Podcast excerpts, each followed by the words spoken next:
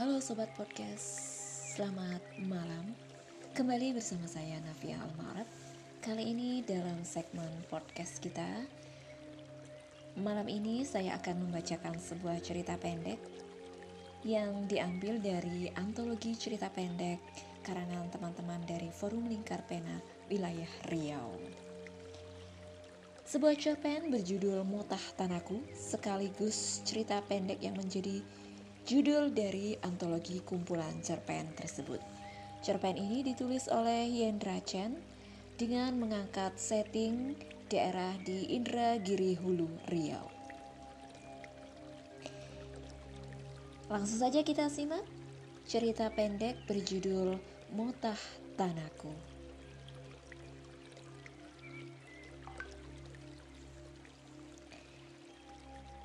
Sudah sejak lahir lelaki itu tinggal di kampung ini. Tetapi melihat harimau jadi-jadian itu bagaikan menanti kucing bertanduk. Sudah lebih dari sepuluh kali dia melihat orang membawa sanggaan. Beratus kali kepalanya dicipratkan dengan tepung tawar. Wajahnya sudah sampai kuning disiram dengan beras kunyit. Di pundaknya sampai memerah akibat dirimbat-rimbat dengan upih pinang tiap kali orang membuat sanggaan. Tapi dia tak mau kalah. Dia harus membuktikan kalau harimau jadi-jadian itu memang ada. Dia juga harus membuktikan pesan almarhum kakeknya kalau harimau jadi-jadian itu sudah terkenal di mana-mana. Katanya setiap orang yang berasal dari tanahku itu punya akuan harimau. Bisa dipanggil kapan saja kalau sedang kesusahan di negeri perantauan.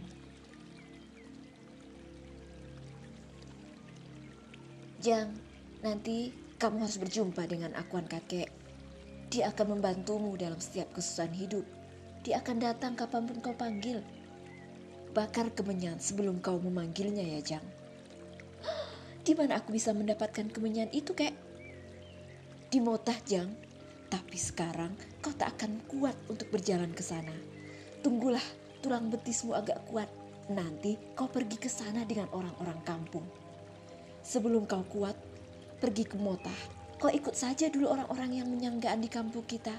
Mana tahu kau bisa melihat akuan nenek di sana. Itulah wasiat kakek sebelum meninggal ketika musim menuai padi. Dia harus berjumpa dengan akuan harimau jadi-jadian yang dikatakan kakeknya. Namun dia juga belum pernah berjumpa sekalipun dengan akuan kakeknya itu.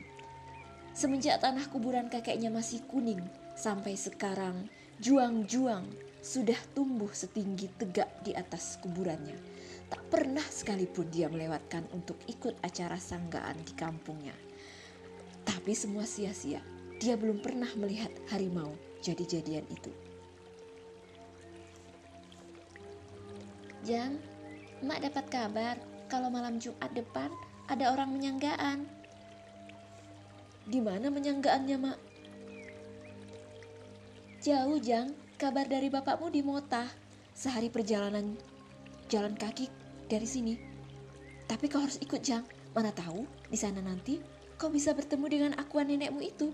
Kau bisa nampak nenekmu yang jadi harimau. Kalau jumpa dengannya, sampaikan pesan emak ya Jang.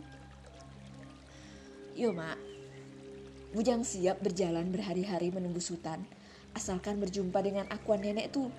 Dari kecil tak pernah aku melihatnya, Mak. Dua hari setelah diberitahu emaknya, Bujang dan rombongan orang-orang kampung berangkat ke Motah. Katanya, di sinilah asal mula nenek datuk mereka. Biasanya setiap tahun setelah menuai padi di ladang, mereka beramai-ramai ke sana, membawa beras, labu, buah timun, kampung, dan hasil panen lainnya. Mereka membuat sanggaan, memasang mak memasak makanan itu, dan makan bersama di Motah. Tapi sudah dua tahun mereka tidak ke sana karena tahun lalu ladang mereka habis dimakan munggu dan hasil panen padi tetap tak cukup untuk makan. Bagi Bujang, inilah pengalaman pertamanya pergi ke Motah. Sudah setengah hari berjalan, menyeberang sungai kecil sampai berenang di sungai yang tak nampak dasarnya. Mendaki bukit dan masuk ke hutan rimba, tapi belum juga sampai. Terasa sudah sangat lelah, apalagi semua pakaiannya sudah basah karena beberapa kali menyeberang sungai. Kedua kakinya pun sudah berdarah-darah karena digigit pacat yang kelaparan. Air tembakau yang dioleskannya agar tak digigit sudah hilang karena air sungai. Berapa lama lagi kita sampai ke Motah, Nek? Bujang bertanya ke nenek Gulim yang sedang istirahat di sampingnya. Tak lama lagi, Jang. Sebelum hari gelap, kita sudah sampai di Motah. Kau makanlah dulu nasi nauni agar kau kuat berjalan. Nenek Kuli memberikan bungkusan yang berisi manis enau kepada Bujang. Jalan setapak yang dilalui Bujang dan rombongan menuju Mutah adalah hutan rimba Bukit Barisan. Hutan hujan dataran yang sedang, yang sangat lebat. Kayu meranti dan marsawa berpuluh-puluh meter tingginya. Sungai jernih dan bukit yang curam. Di pinggir-pinggir sungai ada beberapa tanaman jelatang yang apabila menyentuh kulit akan terasa panas, menyengat, seperti digigit ular. Tangan Bujang tak sengaja menyentuh beberapa kali dedaunan itu. Kulitnya pun memerah. Menjelang hari gelap, akhirnya rombongan sampai di muara sebuah sungai. Airnya jernih dan batunya hitam besar-besar. Daun-daun serasa yang sudah mati hanyut di antara bebatuan itu seperti sampan dan kertas mainan. Ikan siluang juga tampak jelas berenang di antara bebatuan rombongan harus menyusuri sungai sepanjang dua legok Tanjung untuk sampai ke Motah. Bujang merapatkan kedua tangannya dan mengambil air dan minum dari kedua tangannya. Kakinya sudah mulai kesakitan karena berjalan tanpa alas kaki di antara bebatuan sungai. Memang, tak seorang pun di antara rombongan yang memakai alas kaki selama berjalan. Katanya, itulah mitos. Kalau mau pergi ke Mota, tidak boleh pakai alas kaki. Kalau melanggar, nanti akan ada salah satu rombongan yang akan sakit dalam perjalanan. Kita sudah sampai, Jang. Kau lihat pohon kayu aro itu di pinggir sungai? Itu tandanya di bawah sana ada tiga buah kuburan nenek moyang kita. Jadi Mota itu kuburan, Nek? Iya, tapi bukan sembarangan kuburan. Ini kuburan keramat. Inilah nenek moyang kampung kita. Ayo kita siap-siap, Jang kita temui penjaganya. Ada yang tinggal di tengah hutan rimba ini, Nek? Ada, Jang. Namanya Datuk Miftah. Di bawah pohon kayu aro itu ada pondoknya. Rombongan berjalan ke arah pohon kayu aro itu dan sampai di pondok yang disebut Nenek Kuling. Datuk Miftah menyambut mereka dengan mengucapkan salam. Beliau memakai pakaian serba putih, tapi tak memakai alas kaki. Setiap rombongan beliau suruh untuk membasuhi kepala, mencuci muka, kaki, tangan dengan air dan taka di depan pondoknya. Bujang baru tahu kalau sebenarnya Motah itu adalah nama sebuah tempat di dalam hutan rimba Bukit Barisan. Di sana ada tiga buah kuburan keramat. Kuburan Datuk Lintang, Datuk Rancang, dan Datuk Mariamah. Menurut cerita nenek Kulim, dalam perjalanan kalau kita mau meminta kekuatan ilmu, maka mintalah ke Datuk Lintang. Letakkan kemenyan di atas kuburannya satu malam dan bakar kemenyan itu jika sedang dalam kesulitan. Kalau kita mau makan, kalau kita mau kuat makan dan kuat badan, mintalah ke Datuk Rancang. Letakkan lima mentimun di atasnya. Biarkan satu malam dan makan sampai habis. Kalau yang minta perempuan, mintalah kepada Datuk Mariamah. Acara menyanggaan malam itu sudah siap. Beras kunyit, tepung tawar, limau, mentimun, ayam panggang, telur rebus, telur mentah, dan berbagai macam alat lainnya sudah diletakkan di atas meja yang dibuat dari bumbu yang dibelah empat.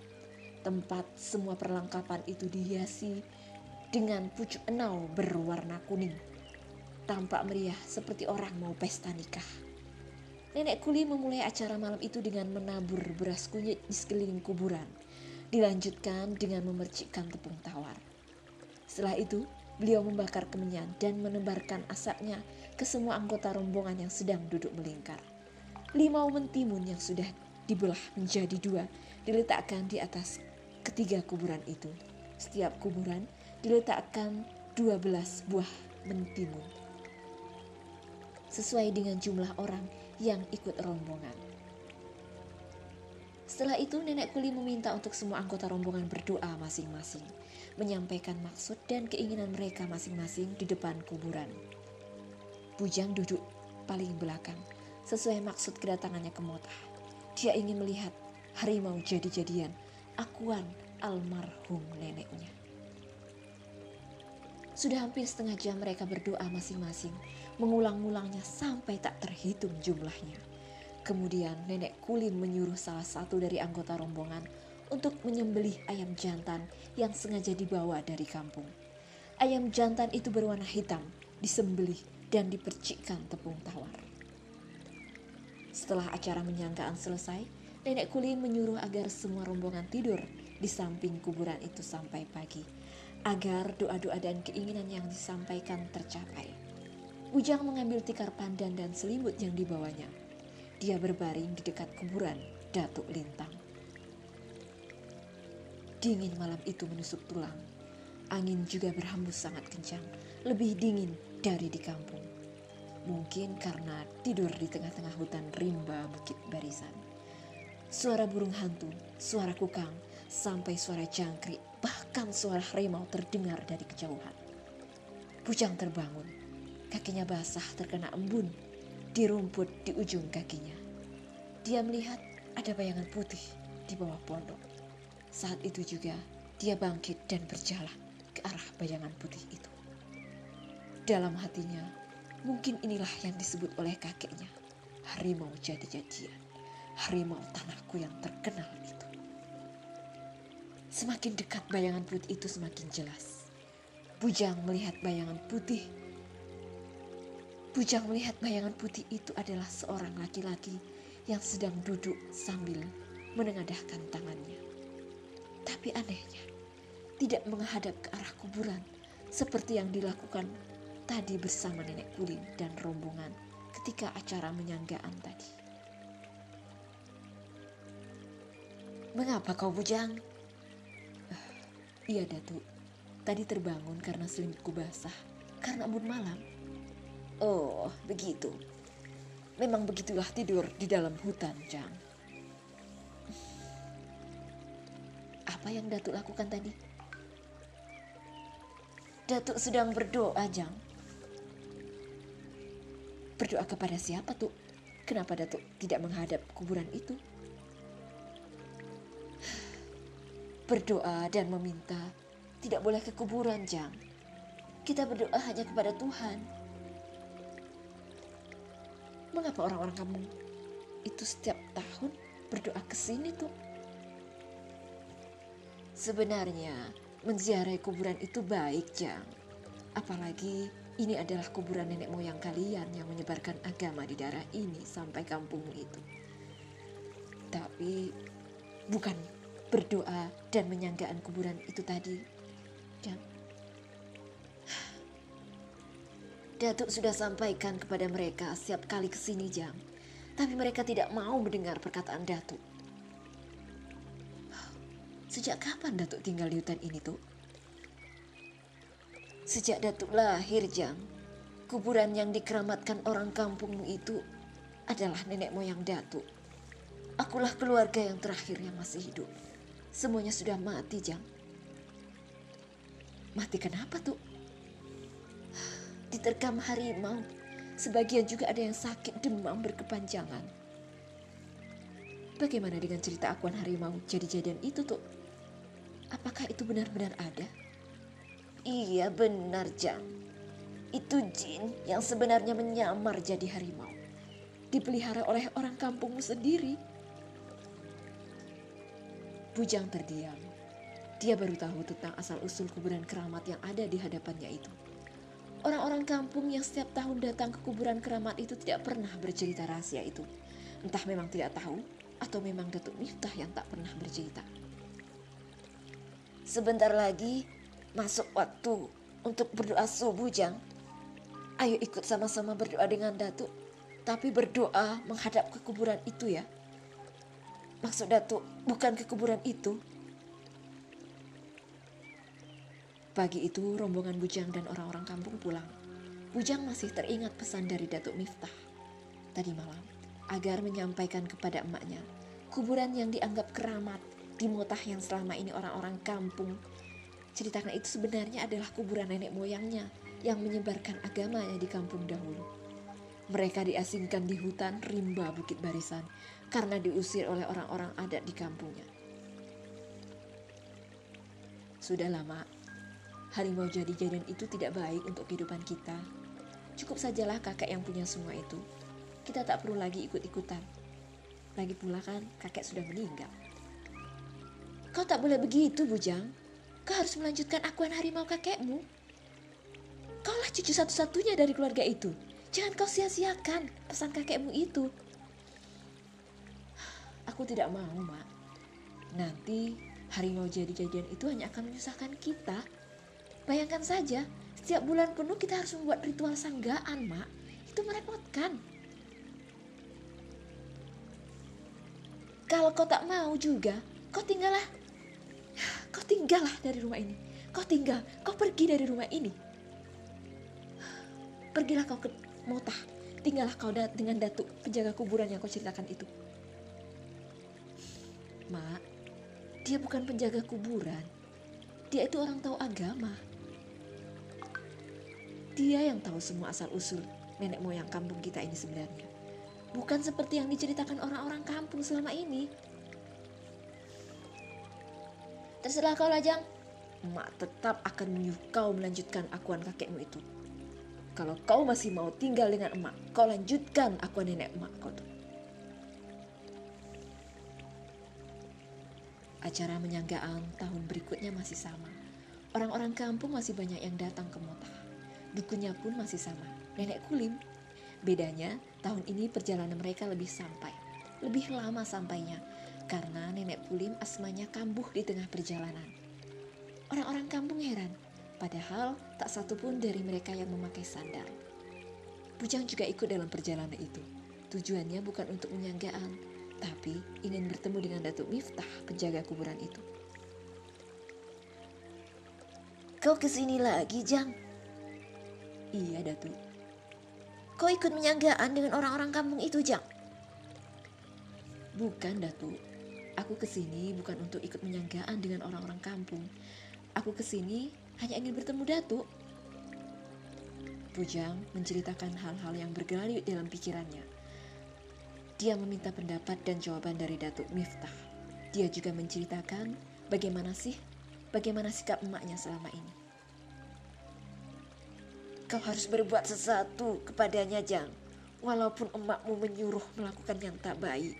Besok subuh, setelah subuh, kau ikut berdoa dan ikutlah aku ke dalam hutan. Baik, Tuk. Setelah berdoa, Bujang dan Datuk Miftah pergi ke dalam hutan. Sementara orang-orang kampung masih tidur pulas di dekat kuburan. Bujang mengikuti Datuk Miftah dari belakang. Dia tahu ke mana akan diajak. Setelah berjalan hampir satu jam di hutan rimba Bukit Barisan, mereka sampai di sebuah bukit. Kau lihat ke bawah sana, Jang. Di sana ada lembah. Dan di bagian dinding lembah itu ada gua. Datuk Miftah menunjuk jarinya ke arah lembah di hadapannya. Iya tuh, aku melihat di sana ada lubang besar. Kita tunggu sebentar. Nanti kau akan melihat sesuatu keluar dari sana. Tak lama setelah itu, keluarlah lima ekor harimau dari dalam gua di pinggir lembah itu. Di sanalah harimau-harimau itu, Jang. Mereka itu sama seperti umumnya. Seperti binatang pada umumnya.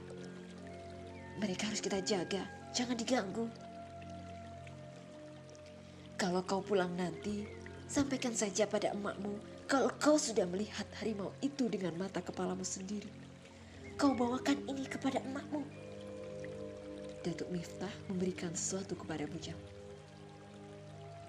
Apa ini, Tuk? Itu siung harimau, Jang. siung harimau yang mati karena berkelahi dengan Datuk Lintang. Jadi, Datuk Lintang itu mati diterkam harimau tuh. Iya, mereka sama-sama mati. Matahari mulai meninggi. Bujang dan rombongan orang-orang kampung berjalan pulang. Di tengah perjalanan, sesak nafas nenek kulim kembali kambuh. Mereka sampai di kampung sudah hampir tengah malam. Mak, aku sudah melihat dengan mata kepalaku sendiri akuan emak tuh. Eh, di mana kau melihatnya, Jang? Di gua dekat kuburan itu, Mak. Kau pandai mengarang cerita, Jang, supaya kau tak diusir dari rumah ini, kan? Tidak, Mak. Aku tidak mengarang cerita. Ini buktinya. Bujang mengeluarkan siung harimau yang diberikan oleh Datuk Miftah dan menunjukkan kepada emaknya. Wah, iya, Jang. Di mana kau dapatkan benda langka ini? Kan sudah kukatakan, Mak. Aku tak mengarang cerita. Aku sudah bertemu dengan harimau itu. Baiklah Jang, Mak percaya denganmu. Kau simpan baik-baik sim harimau itu ya. Besok kau rendam dan air minum airnya air rendaman itu kau minum. Untuk apa, Mak? Kau kan ingin jadi penerus kakekmu. Jadi, turuti saja kata-kata emakmu ini. Bujang tak menjawab lagi. Dia terdiam mendengar kata-kata emaknya itu. Walaupun Bujang sudah bisa meyakinkan emaknya kalau dia sudah bertemu langsung dengan harimau itu, tapi dia belum bisa membujuk emaknya untuk tidak mewarisi akuan kakeknya. Keesokan harinya, Bujang membuang siung harimau yang sudah diperlihatkan emaknya. Siung harimau itu dibuang karena takut disalahgunakan oleh orang-orang kampung. Begitulah pesan Datuk Miftah kepadanya.